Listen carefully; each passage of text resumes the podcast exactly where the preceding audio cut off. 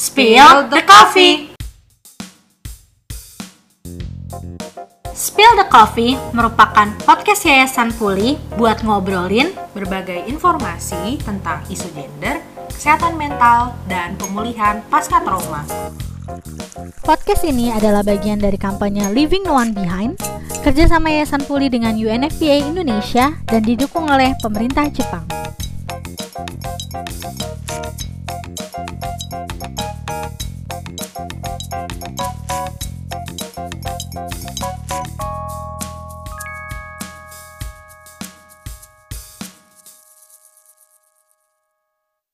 Selamat pagi, selamat siang, selamat sore, selamat malam, dan salam sejahtera buat kita semua. Balik lagi dengan Uci dan Ansya di podcast Feel the Coffee. Oke, hari ini kita masih bahas, Membahas isu kekerasan berbasis gender dalam teman-teman. kebencanaan ya. Ya, dalam situasi kebencanaan. Hmm. Tapi mungkin bagi teman-teman yang bakal dengerin nih, ini hal yang gak tahu nih, mungkin sudah hal yang biasa mungkin, tapi mungkin ada kebanyakan yang belum nih, kayak misalkan jujur aku nih, Ci, Hmm, yang hmm, tentang lansia.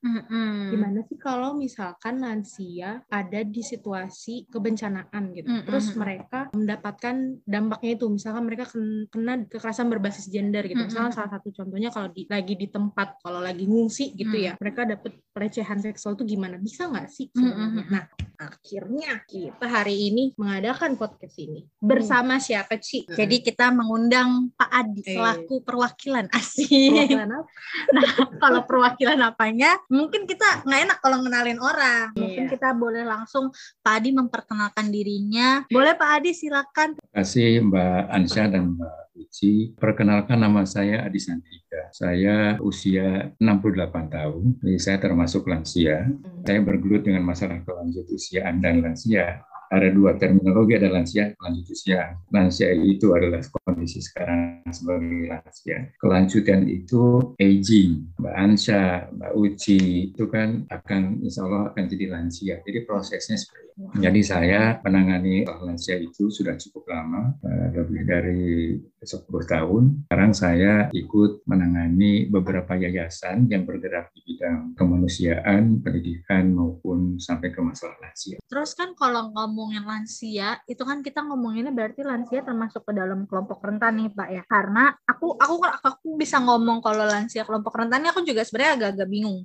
Apakah lansia masuk kelompok rentan Iya. atau enggak? Iya. Tapi melihat dari ketika vaksin baru pertama kali disebar, yang pertama kali dapat akses buat vaksin itu adalah Lansia. lansia dan teman-teman disabilitas. Nah, tapi aku masih bertanya, benar nggak sih lansia itu kelompok rentan atau enggak, Pak? Gimana, Pak Adi? Kalau menggunakan kata rentan, saya selalu berpijak dari dokumen yang yang resmi. Rentan kalau dari KBBI itu artinya kan peka, mudah kena penyakit. Arti katanya Hmm. dari situ dulu kan. Hmm. Tapi dalam perjalanannya penggunaan rentan itu tidak hanya untuk yang mudah kena penyakit menurut KBBI. Hmm. Jadi itu lebih mengarah kepada penggunaan istilah atau kata itu kepada sesuatu yang memang peka. Hmm. Nah, karena peka, benarkah lansia itu peka? Yes. Naturalnya memang begitu. Jadi hukum alamnya memang begitu. Semakin lanjut, itu pasti kan ada organ tubuh dan uh, daya ingat itu kan berkurang. Itu, itu naturalnya seperti itu. Artinya kekuatan tubuh dan lain-lain itu akan berkurang. Nah, karena kekurangan, kekurangan atau penurunan itu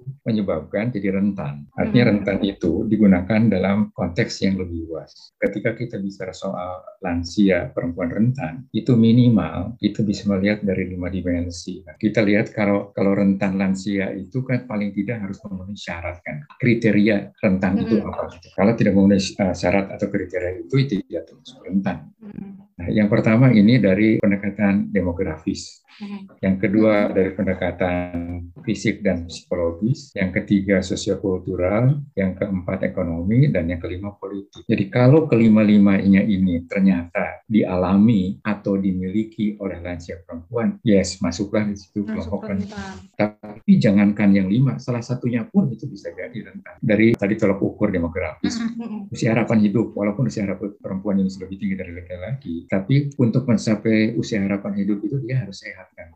Nah ternyata banyak yang berat, yang repot. Jadi dalam pendekatan demografis itu juga tergantung lingkungan hidup. Contoh kalau saya sebutkan lingkungan hidup itu ada istilahnya uh, feminisasi perempuan. Contoh misalnya, emak sama bapak ini nggak punya uang, yang sekolah itu si abangnya aja deh. Nah, meningkat lagi nanti di pekerjaan ketangkep ya Pak ya. Itu nanti ada pengaruhnya kalau apalagi nanti kena bencana. Ah, jadi double. Nah, yang kedua, Double lagi ya Pak ya. Iya, iya. Artinya kita coba kita terjemahkan rentan itu jangan hanya ah rentan itu sudah sakit nanti dulu, nanti dulu. Hmm. Itu benar, tetapi tidak lengkap. Nah untuk lengkapannya saya mengajak yang lima tadi kan. Hmm. Baru yang pertama. Yang kedua eh, fisik dan psikologis. Hmm. Fisik itu penurunan kemandirian dan peningkatan ketergantungan. Hmm. Hmm. Benarkah kemandirian itu berkurang secara fisik? Ya pasti kan tadi saya katakan Hmm. analoginya kalau ada semakin tua itu kemampuannya akan berkurang kan. Iya Benar. Iya kan Mbak, itu hukum alamnya seperti itu. Mm-mm. Sekarang juga sama. Banyak hal katakanlah misalnya data menunjukkan ya penyakit mulai diabetes, Benar. kemudian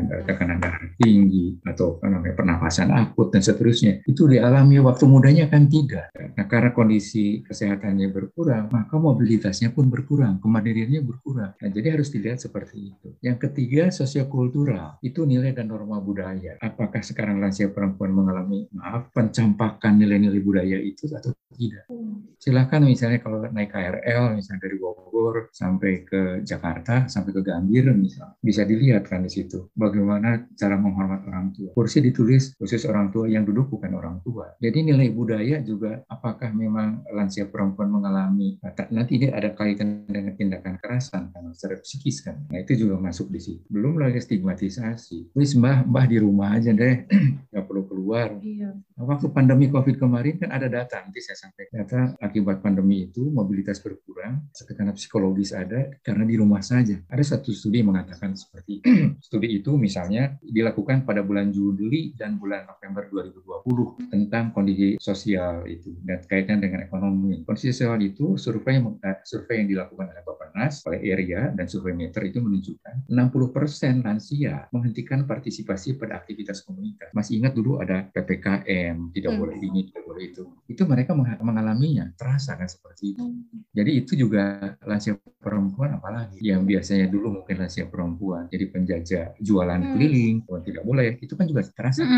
Nah, itu studi menunjukkan seperti itu, 60%. Nah, sekarang yang keempat, dari sisi ekonomi. Lansia perempuan mengalami itu, oh iya, iya mengalami. Kondisi ekonomi itu kan terutama di pendapatan. Lagi-lagi dari studi yang dilakukan itu Hmm. bulan Juli dan bulan November 2020, ketika naik-naiknya itu, orang terpapar, jumlahnya akan tinggi, ya eh, sangat tinggi. Pendapatan itu mengalami perubahan yang sangat dramatis. Dari kondisi ekonomi itu, ada survei yang menunjukkan lansia itu mengalami penurunan pendapatan, bahkan kualitas makannya berkurang sebanyak 40 persennya. Hmm. Nah, jadi da- dari situ bisa bisa terlihat kan dari dimensi yang keempat itu. Yang terakhir dimensi kelima itu dari dimensi sosial politiknya kan. Mbak. Hmm. Terutama kalau saya katakan bukan sosial politiknya supaya agak keren dari hak sosial hak sipil dan politiknya. Eh, eh, hak sipil politik itu Mm-mm. terutama eh, identitas. Identitas diwujudkan berupa KTP misalnya. Kenapa itu diangkat? Karena ketentuan me- menyebutkan seseorang atau lansia bisa mendapatkan bantuan harus menunjukkan identitas sebagai KTP. Iya. Nah, jadi itu juga harus harus eh, itulah. Benarkah eh, sekarang lansia perempuan itu mengalami itu? Bisa jadi ya kan. Kalau tidak punya KTP, tidak punya identitas, dia tidak bisa dapat bantuan. Belum lebih jauh lagi nanti kalau ada pilkada, ada pileg atau Iya. misalnya pilpres, mereka itu hak suaranya juga ada di situ. Lansia perempuan apa mengalami itu bisa jadi mengalami kekerasan. Di situ kekerasannya kan bukan psikis ya, psikis Hmm. dan seterusnya. Nah, jadi kalau kita eh, melihat bagaimana stigmatisasi itu dan kerentanan, kita coba lihat dari perspektif yang utuh. gitu. Hmm. Nah, saya khawatir dan saya prihatin jangan-jangan orang di Indonesia ini orang tidak sering melihat lansia itu utuh seperti tadi yang lima. Eh, jangan-jangan itu par- jangan-jangan parsial saja kan, Mbak. Mm-mm. Iya. kesehatan saja benar saya katakan tidak salah kesehatan tidak koma tetapi tidak lengkap. Hmm. Nah, Iya bagaimana sih. Melengkapinya? Kita harus advokasi, kita harus uh, sosialisasi, meyakinkan Hmm. ini loh ya, yang harus kita ketahui. Nah, dalam tata nanti kebijakan juga jangan sifatnya parsial. Kelimanya itu sama. Kenapa harus harus lima lima? Namanya juga manusia. Tolong mbak lihat di Undang-Undang HAM.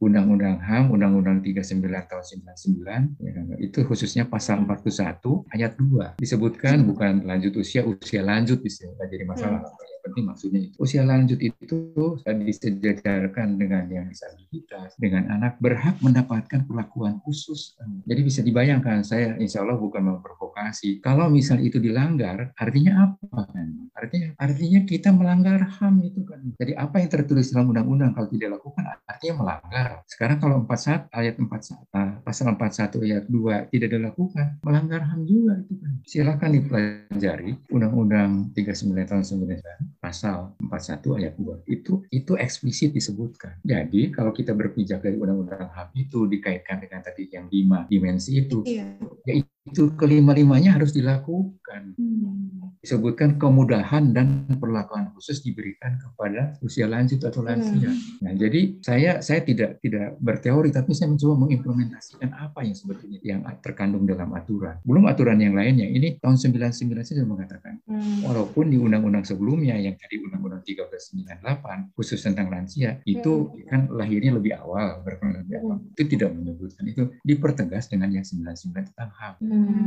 Gitu ya Mbak. Jadi jadi saya ingin mengajak dulu kita diskusikan harus. Hmm. Oh Pak Adi kan kita bicara soal kekerasan dan, dan apa namanya bencana benar. Hmm. Itu nanti kalau bahasa dalam pemetaan overlay di atasnya kan. Iya. Fitnya di mana? Fitnya di mana? Hmm. Hmm. Karena katakanlah bencana alam dengan bencana alam ini kan akan berbeda juga treatmentnya di kelima dimensi tadi kan. Hmm. Gitu kan Mbak. Hmm. Oke, okay. saya saya sementara itu dulu. Saya hanya membuat trigger aja dulu di situ kan. Iya itu jadi trigger. Itu trigger banget sih. Kita ngasih gitu. Maksudnya kayak aku bener sih apa mungkin aku sendiri mohon maaf banget gitu ya. Hmm. karena aku memang memikirkannya kayak jadi bertanya gitu sih apakah memang lansia ini diukur dari kayak tadi yang kesehatannya aja gitu yang tadi hmm, kata hmm. Pak Adi yang udah sebutkan gitu. Tapi setelah dijelaskan kelima dimensi itu jadi kayak iya ya jadi kita mungkin gak sih jadinya kayak ada jadi label gitu loh. Kalau lansia ya sama dengan mereka termasuk kelompok rentan kayak gitu. Kayak kita udah udah ter iya iya iya ya kan jadi kayak dan menurut aku tadi make sense banget sih Pak Adi karena jujur aku hmm. dulu tuh pernah tinggal di daerah pedesaan ya Pak di mana biasanya emang daerah pedesaan tuh untuk kelompok usia lansianya tuh emang lebih banyak kan ya Pak ya dan bener banget nggak kan dulu aku tuh mikirnya cuma kayak ya udahlah lansia itu yang di atas 65 tahun gitu hmm. lansia tuh yang udah punya penyakit gitu biasanya penyakit yang paling sering tuh kayak diabetes terus darah tinggi, darah tinggi. gitu kan ya Pak ternyata tuh kalau kita lihat lebih hmm. dalam lagi tuh ada hal-hal yang sebenarnya hmm. ada hal-hal yang juga di diukur juga gitu loh. Kriterianya bener aku tuh sempat lupa loh Padi kalau ternyata ada dimensi politik sosial politik itu bener banget sih Padi semuanya tuh kena banget bukan hmm. cuma perkara usia dan kondisi kesehatan aja. Iya tanda kutip kesehatan ya teman karena kayak itu hal yang jadi nge-triggering kita juga. Semua kan teman-teman yang mendengar juga jadi kayak nggak nggak kalau ketika ngomongin lansia jangan langsung kayak oh dia kelompok rentan udah kayak gitu. Sebenarnya kelompok rentan tadi yang udah Pak dibilang gitu Eits, tunggu dulu kalau mau ngomongin yang rentan nih ada dimensi-dimensinya nih ada lima dimensi masuk nggak? Gitu. Hmm, benar-benar gitu. Jadi nggak cuman kayak oh ya lansia sama dengan ini gitu. Kaitannya kan tadi ada lima dimensi mungkin kita bisa fokus di satu aja pak. Karena kayak kalau misalkan kita lima limanya wih bakal jadi berapa segmen gitu ya pak ya. Kalau misalkan kita mau bahas lima, uh, lima dimensi tersebut gitu. Mungkin kita bisa ngambil dalam sisi satu ini nih yang fisik dan psikologis gitu. Karena kita yayasan pulih nih ya Pak ya. Pulih. Kita ngomonginnya psikologis aja dulu ya. ya. Pak, ahlinya di situ aja deh Pak. aja. Mungkin kalau... yang empat patnya kita bahas di kegiatan lain Pak. Iya. Mungkin kalau yang dalam hal fisik dan psikologis gitu ya Pak kan. Ada nggak sih pak beberapa hal sebelum kita jadinya jauh kekerasan dalam ini ya KBG gitu ya? Ada nggak sih yang sering terjadi gitu pak dalam hal ini? Tadi kan bapak mungkin baru ceritain yang tadi yang perpolitikan gitu. Hmm. tapi kalau dalam isu ini pak psikologis gitu ada nggak sih pak mungkin dari hal apa? Atau mungkin kekurangannya? Itu tadi yang sempat aku mentionin gitu depan kalau kita psikolog kita aja bingung loh untuk nerima lansia gitu. Selain itu ada lagi nggak sih Pak permasalahan di seputar di usia lansia? Saya selalu untuk merujuk dari aturan kan. Hmm. Jadi kalau kalau mendiskusikan sesuatu saya selalu berpijak dari landasan teoritis hmm. ataupun dan yuridis kan. Hmm. Karena apa? Kalau kita misalnya berbicara tanpa teori itu omong kosong. Hmm. Dan kalau kita bicara tanpa landasan yuridis itu kita hanya obrolan yang tidak implementatif. Gitu. Nah, saya masuk di tatanan teoritis dulu kan, Mbak.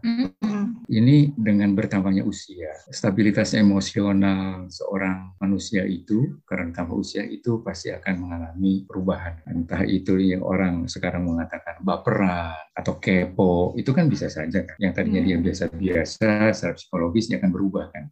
Atau misalnya maunya didengerin aja kan lansia itu umumnya kan begitu kan jadi hmm. secara psikologis itu juga harus kita ketahui nah lalu kalau secara fisik mbak saya kembali di, di kekerasan jadi kan kekerasan ya hmm. kita kita sama-sama mengetahui adanya undang-undang KDRT kan hmm. Nah salah satu pijakannya kita dari situ aja dulu ya hmm. okay. nah itu di situ kan ada empat jenis kekerasan fisik psikologis apalagi itu mbak di situ seksual dan atau penelantaran ekonomi ya ekonomi ya nah saya mencoba sekarang psikis, uh, yang fisik itu dulu ya. Fisik itu rasa rasa sakit, jatuh sakit, luka berat itu kan Maya. Itu fisik mm -hmm. kan. Mm -hmm. Karena yang psikologis, karena saya saya kan kembali ke yang lima pilar tadi. Pilar yang uh, kotak yang pertama itu adalah mm -hmm. mengenai psikologis, uh, fisik dan psikologis, iya. psikologis kan. Jadi kalau psikologis itu ada rasa takut, rasa tidak iya. berdaya kan. Tapi kalau misalnya fisik ada rasa sakit, jatuh sakit, ekonomi iya. juga sama, penelantaran gitu. Mm -hmm. Nah, lansia perempuan coba kita lihat atau laki uh, lansia keseluruhan saja dulu. Mm itu akan terjadi kan akan terjadi katakanlah dengan sifat lansia itu yang tadi sangat rentan perubahan psikologisnya itu berubah sangat sangat nyata yang tadinya biasa-biasa lalu baperan lalu mudah tersinggung gitu kan berarti akan berbeda lagi perlakuannya ya kan Nah, kalau misalnya tadi mengenai fisik kekerasan fisik ya bisa jadi maaf ya kekerasan fisik itu yang menyebabkan dia jatuh jatuh sakit itu juga bisa terjadi di lansia kan nah, jadi misalnya di maaf di, disuruh untuk membersihkan apa di rumahnya kayak gitu kan dia bisa bisa tidak berdaya seperti itu. Nah, jadi saya pikir kalau kita bicara masalah kekerasan ya antara lain kekerasan itu di lansia itu mengalaminya. Cuman masalahnya sekarang ini data yang akurat ke arah itu saya belum memilikinya dan beberapa teman saya tanya juga Tapi indikasinya kuat gitu, indikasinya kuat. Itu aja. Iya, oke.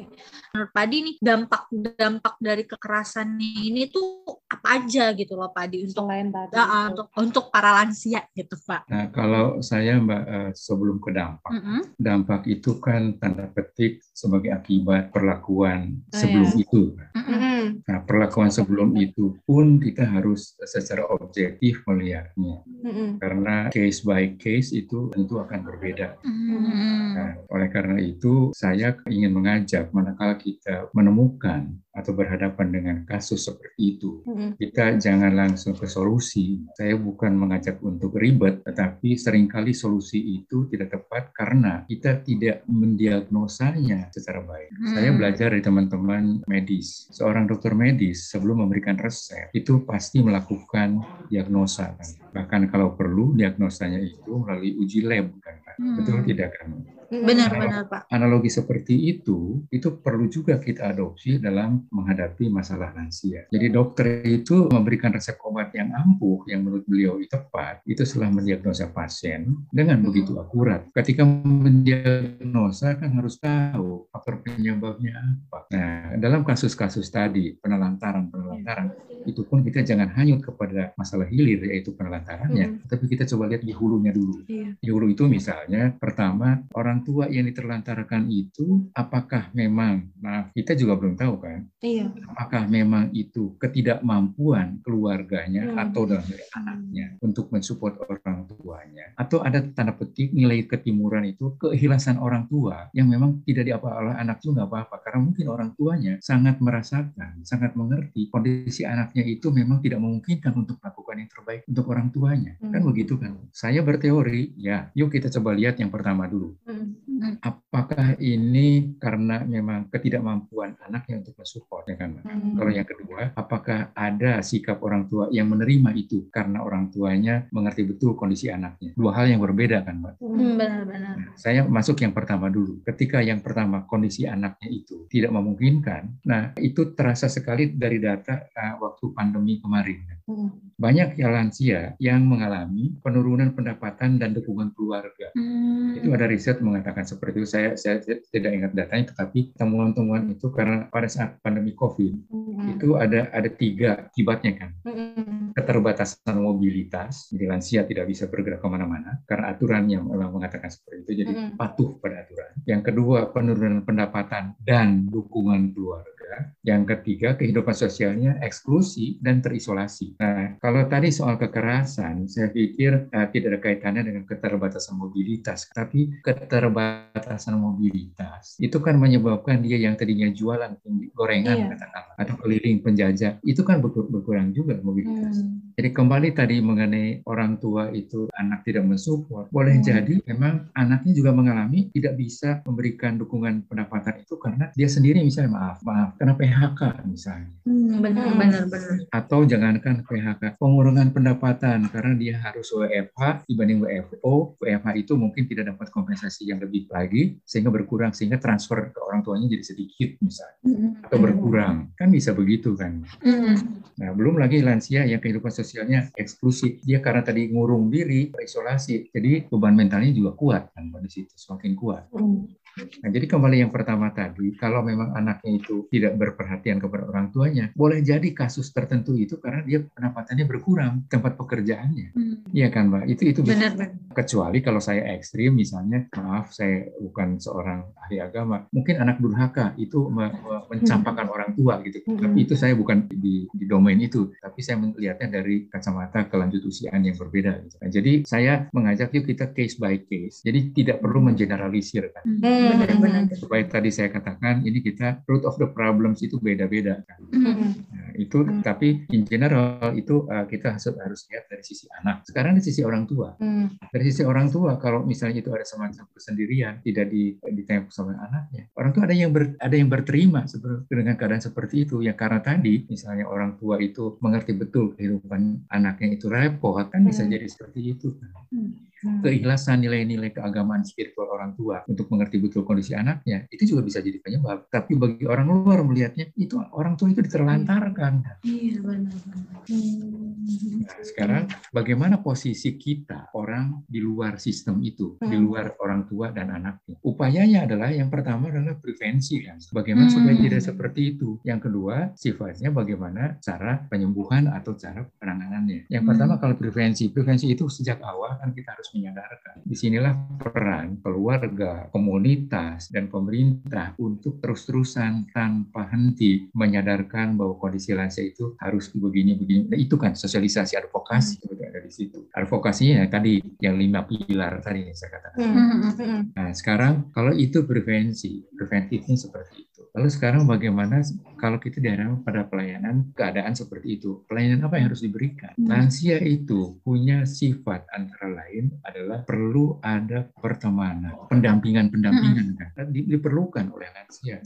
Kesendirian itu, kesepian itu, apalagi tadi saya katakan kehidupan sosial karena pandemi itu jadi eksklusi karena terisolasi. Itu berarti pelayanannya harus pendampingan. Nah, pendampingan itu macam-macam kan. Ada pendampingan sambil membawa sesuatu untuk kebutuhannya, ada secara psikologis mendengarkan keluhan-keluhan itu juga sama. Healingnya itu kan bisa bukan hanya dengan dengan fisik memberikan makanan, healing dengan mendengar, mendampingi. Itu lansia itu perlu didampingi. Kompanion itu perlu di situ lansia. Itu solusi di lansia. Kalau ke lansia ke anaknya kalau tidak datang, ya paling paling kita minta kalau misalnya kalau orang tuanya punya alamat, ya punya nomor handphone, ya bisa dihubungi. Belum lagi mungkin mungkin ini kita sebagai orang beragama mengingatkan kembali nilai-nilai agama atau bahkan nilai adat yang berlaku. Itu saya pikir salah satu solusinya. Oke, oke. Berarti sebenarnya aku nangkepnya adalah kalaupun misalkan kita mau melihat, kita nggak bisa nih kalau misalkan kayak dampak kayak tadi Mm-mm. dia, kita mungkin dari sudut netizen, kali ya. Netizen. Pak. Saya netizen Pak netizen tadi ya. Halo.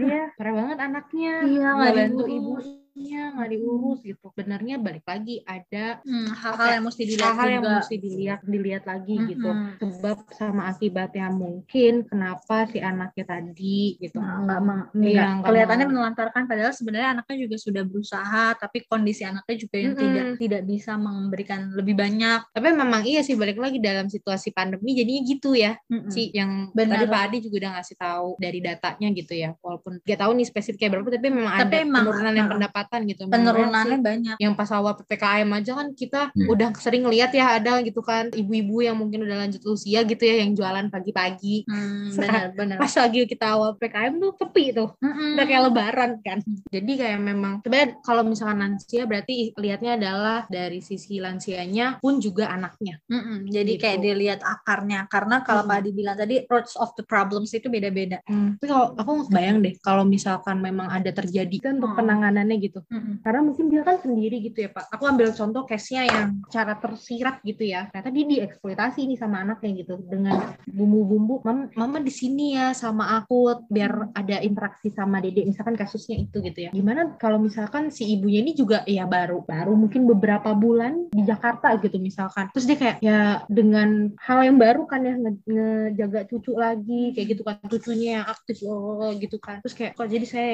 yang gini gitu kan. Ada nih akarnya yang mulai gitu kan itu gimana ya apa yang bisa kita lakukan sih Iya. Kak?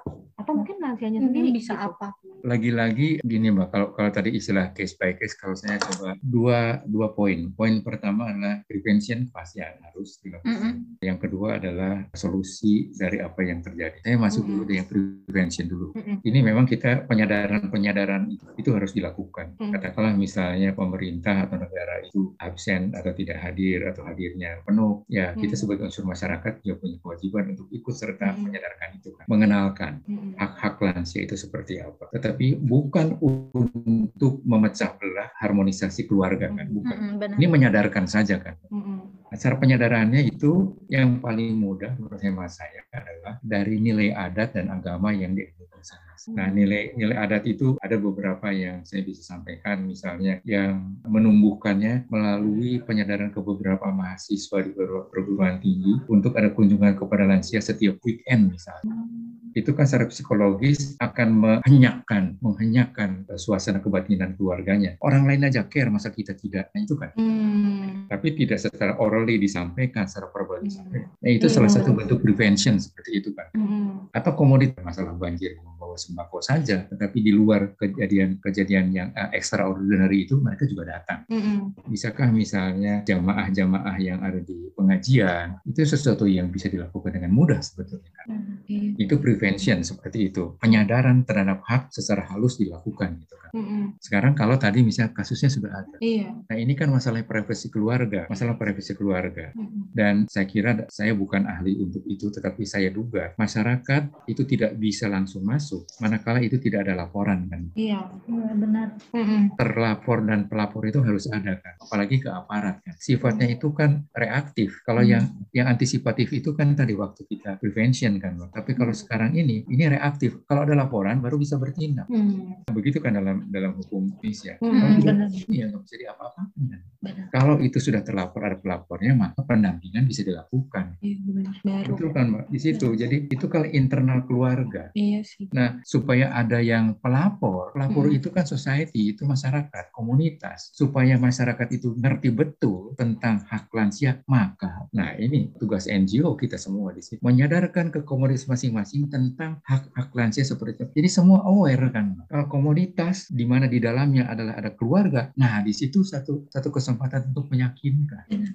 Jadi itu mbak kalau saya. Aku gambar sih sebenarnya bisa dibarengi kalian yang tadi gitu ya sosialisasi untuk preventionnya gitu. Sebenarnya dari situ pun juga bisa gitu. Misalkan kita ya sampuli gitu melakukan apa gitu seminar kayak gitu di tempat kaki atau apa Kegiatan, kegiatan di misalkan satu tempat komunitas atau ibu-ibu PKK gitu ya.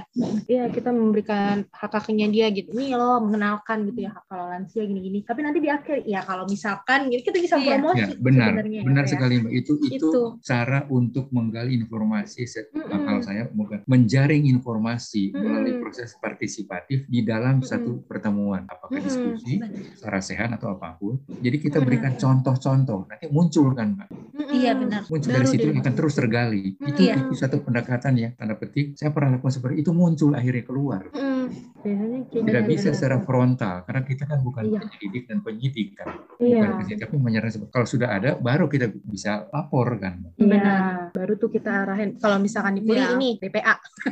DPA Iya. dulu untuk merujuk tuh. Hmm, benar, Kalau benar. misalkan mau hubungkan untuk dirujuk. iya benar. Dan Iya soalnya kayak iya tadi sih takutnya jadinya karena kalau misalkan di Sebenarnya kalau di kita juga sama ya, Cia. Kalau tuh kayak, eh aku campur lo urusan Mm-mm. gue gitu. Nah, ya. intriknya keluarga yang dibahas Iya. Kan gitu. terkait preventif dan solusinya gitu. Benar. aja. Dari itu kita kayak ngejelasin bisa aja loh. ketika kita melakukan preventif gitu sosialisasi Ya. gitu ini loh hak-haknya ibu-ibu dan bapak-bapak selaku lansia seperti ini lah Terus di akhir kita promosi misalkan pulih gitu ya. Promosi iya nanti kalau misalkan kan ada kebutuhan kebutuhan di sini bisa Mm-mm, hubungi nah itu bisa langsung jejaring ini nih buat kasus-kasusnya gitu Ah. mungkin bisa jadi aja kayak misalkan pertemuannya on offline gitu ya di aula Balai. balai warga gitu. Iya, balai warga gitu kan. Dan kalau ditanya, emang kenapa harus khusus? Karena balik lagi Undang-Undang HAM nomor 39 tahun 99 pasal 41 ayat 2 tentang hak kemudahan dan perlakuan khusus bagi lansia. Jadi emang benar kalau emang butuh perlakuan khusus dan kemudian memang benar butuh dan memang sudah dijelaskan juga di undang-undang bahwa memang itu benar haknya dan ada gitu loh. Jadi kalau kita bisa bilang nih Pak, di, eh, kalau dibilang lansia kelompok rentan memang benar, tapi kadang sering kali kita lupakan. gitu. bukan bukan lupakan tapi kayak Nggak konteksnya konteksnya tuh hanya melihat seputar kesehatannya aja. Mm-mm, mm-mm, Kelompok Benar-benar. rentan sama dengan lansia, tapi padahal mereka kelompok rentannya apa dulu lihat cuman karena kesehatannya dia aja mungkin kayak asam urat atau Kolesterol. kolesterol, ada bisa harus makan bisa sayur doang kayak gitu kan, atau dia nggak berpendapatan gitu ya maksudnya udah udah pensiun gitu kan, oh dia nggak nggak ber ini lagi berarti dia lansia. Karena dia bergantung sama anaknya kayak gitu. Nggak dulu lihat dulu. Dilihat lagi. Dilihat lagi Dilihat gitu. lagi secara luas dan konsepnya ternyata banyak. Dan biar nggak overlay salah satu di antaranya itu, biar Hmm. nggak pusing dan lain-lain. Karena balik lagi quotes of the day, roots of the problems itu beda-beda. Bener banget Pak Adi. Dan kalau kita bisa bilang hari ini itu sangat membuka mata kita banget sih Pak Adi. Kayak kuliah lagi kayak beras iya bener kuliah lagi kuliah lagi. Dapat berapa Kuliah SKS kita barusan? tiga Tiga SKS Tiga kayaknya. SKS. Tapi kalau dijelasin dengan cara yang sederhana ini, kayaknya Pak Adi juga menyesuaikan dengan kita ya Pak ya. Iya, Kayak Boleh, menjelaskannya disesuaikan banget nih ke kita. anak kita Gen Z Iya, generasi Si Gen Z. generasi Gen Z yang masih buta dengan konsep-konsep itu, tapi Pak Adi membantu kita untuk tahu nih ada sebenarnya mungkin bukan yang nggak tahu ya cuman kayak mereka nggak nge dengan oh sebenarnya ini loh gitu. Kayak misalkan aku ngerasain banget gitu loh Ci. Kayak tadi awalnya masih nangkep kalau oh lansia sama dengan kelompok rentan. Padahal ada aspek-aspeknya lagi gitu. Terus juga aku sebenarnya udah terpapar tuh dari yang ada satu kasus di mana di kondisi yang panti yang seperti itu gitu. Kalau banyak kok panti yang bahagia bahkan mereka mau sendiri untuk ke panti. Jadi kayak memang sebenarnya udah gitu. Atau kayak di di sekolah-sekolah di universitas kita gitu ya. Maksudnya kayak ketika kita apa praktek lapangan gitu datang itu tuh sebenarnya ada tuh kunjungan itu kayak terus kita yang kayak merasa terenyuh kayak ih gue sama nenek gue udah gitu belum ya? Emak gue nggak kayaknya nggak gitu deh sama nenek gue gitu. Sebenarnya kayak udah ada tapi ini refreshment bisa dibilang nggak sih? Nah, dibuat kita kita semua mungkin juga pendengar-pendengar yang lainnya semoga bisa jadi refreshment juga terkait isu lansia. Dan sebenarnya jangan cuma di ya ya udah ada lansia kita fokus aja yuk ke anak yang usia anak bayi yang gitu loh yang usia produktif aja gitu. Karena menyokong generasi bangsa. Ada satu Mbak yang perlu diluruskan lagi Mbak, atau ditambahkan ya. Dari tadi kan kita mendiskusikannya lebih ke arah lansia yang quote unquote yang tidak berdaya, yang perlu pelayanan lebih dari yang lainnya. Nah, padahal kan jumlah lansia sekarang ini kurang lebih 27 juta kan, lebih dari 9,3 persen populasi. Dan di antaranya juga ada lansia yang memang eh, kehidupannya relatif lebih baik, Hmm. tetapi itu pun jangan dilupakan gitu. Hmm. Tadi kan jangan ada pengertian no one left behind itu hanya untuk yang yang tidak apa namanya yang tidak berdaya, tidak berdaya Tet- tetapi yang sehat-sehat benar Pak. yang relatif uh, lebih sehat dan itu bisa diberdayakan. Mereka pasti punya potensi yang memang lingkungan setempat bisa memanfaatkannya. Nah jadi kalau tadi kita sejak pagi itu mendiskusikan perlindungan khususnya kepada lansia yang perlu perlindungan karena kondisinya sosial ekonominya kurang, tetapi di sisi lain juga ada lansia yang memang punya potensi lebih, yang kehidupannya lebih baik. Jangan dibiarkan juga mereka gitu kan. Nah, jadi harus ada keseimbangan antara perlindungan dan pemberdayaan. Di pemberdayaannya itu, karena di, di luar sana itu konsep pemberdayaan cenderung katakanlah tadi misalnya di pantai atau di pria memberdayakan lansia yang masih sehat, membuat kerajinan macamnya itu benar.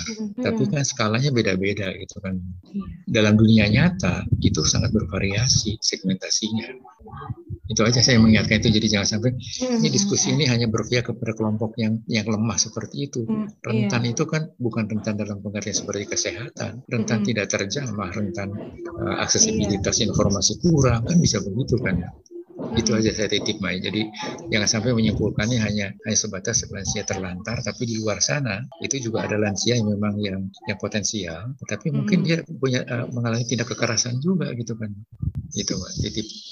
Benar Pak, benar. Jadi kalau aku bisa simpulin gitu, kalau tadi mungkin sama teman-teman mungkin yang dengar bingung nih sebenarnya apa sih arahannya gitu. Mungkin ini bisa ini indeksnya gitu ya. Jadi kayak kita awalnya adalah memahami dulu lansia itu dimensi-dimensi hak-haknya apa saja gitu ya dari yang lima tadi. Baru nih kita bagi dari yang dua ada yang dari sisi untuk keperlindungan lansianya itu untuk yang memerlukan katakanlah yang tadi ada kekurangan dari lima dimensi itu ada yang bolong nih Nah. dimensinya gitu. Iya, Mungkin dari sisi fisik dan psikologisnya atau ada bisa juga double bisa double Hmm. nih gitu atau semuanya gitu jangan-jangan dimensinya.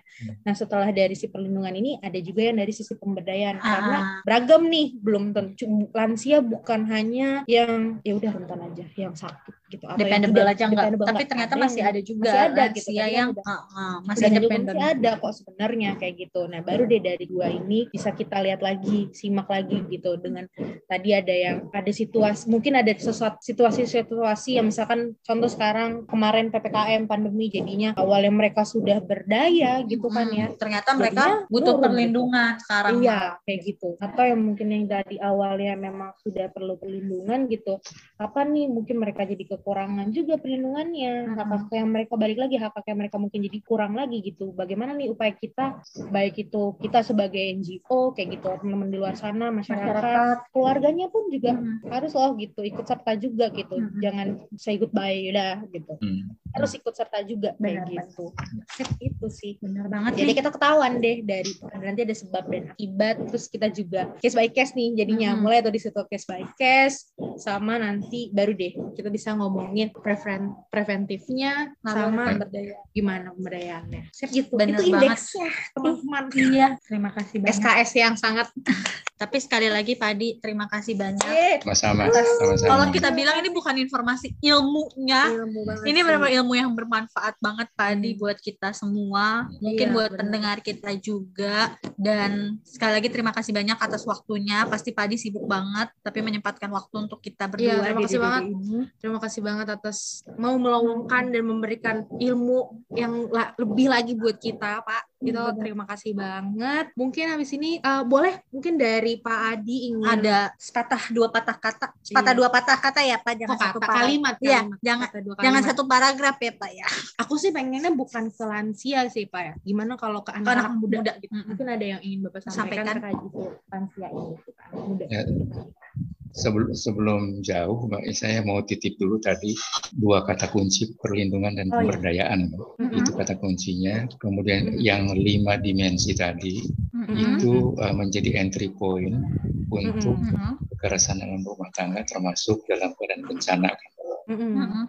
Walaupun tadi kita tidak menyinggung lebih lebih dalam Lebih kepada banyak bencana gitu ya. pada RT, tetapi uh, penguasaan materi yang awal tadi itu diperlukan. Baru kita aplikasinya keadaan bencana, keadaan normal itu itu tinggal Mm. tinggal mengolahnya saja gitu kan. Mm-mm. benar benar Mm-mm. Nah kalau kalimat akhir itu saya pendek saja. Mm-mm. Persiapkan diri menjadi manusia sebagai lansia, lansia yang mandiri, sejahtera dan bermartabat. Tiga kata kunci itu. Mm-mm. Mandiri, sejahtera dan bermartabat. Bener Pak. Oke. Berarti kita bisa bilang nih Pak Adi, kita harus mempersiapkan diri menjadi lansia yang mandiri, sejahtera, dan, bermartabat. Iya. Sekali lagi terima Terima kasih Pak kasih, Adi Pak atas siangnya. Sekali lagi terima kasih buat semua pendengar yang udah dengerin kita dari awal sampai akhir bareng Pak Adi Yes. di podcast Spill the Coffee bersama Uci. Hansya. Adi Santika pegiat kelanjut usiaan. Terima kasih Sampai banyak. jumpa. Sampai Terima jumpa. kasih. Terima kasih Pak. Adi.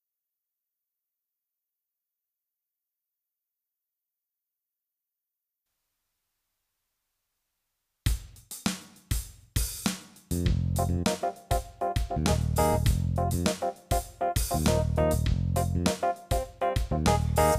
the coffee.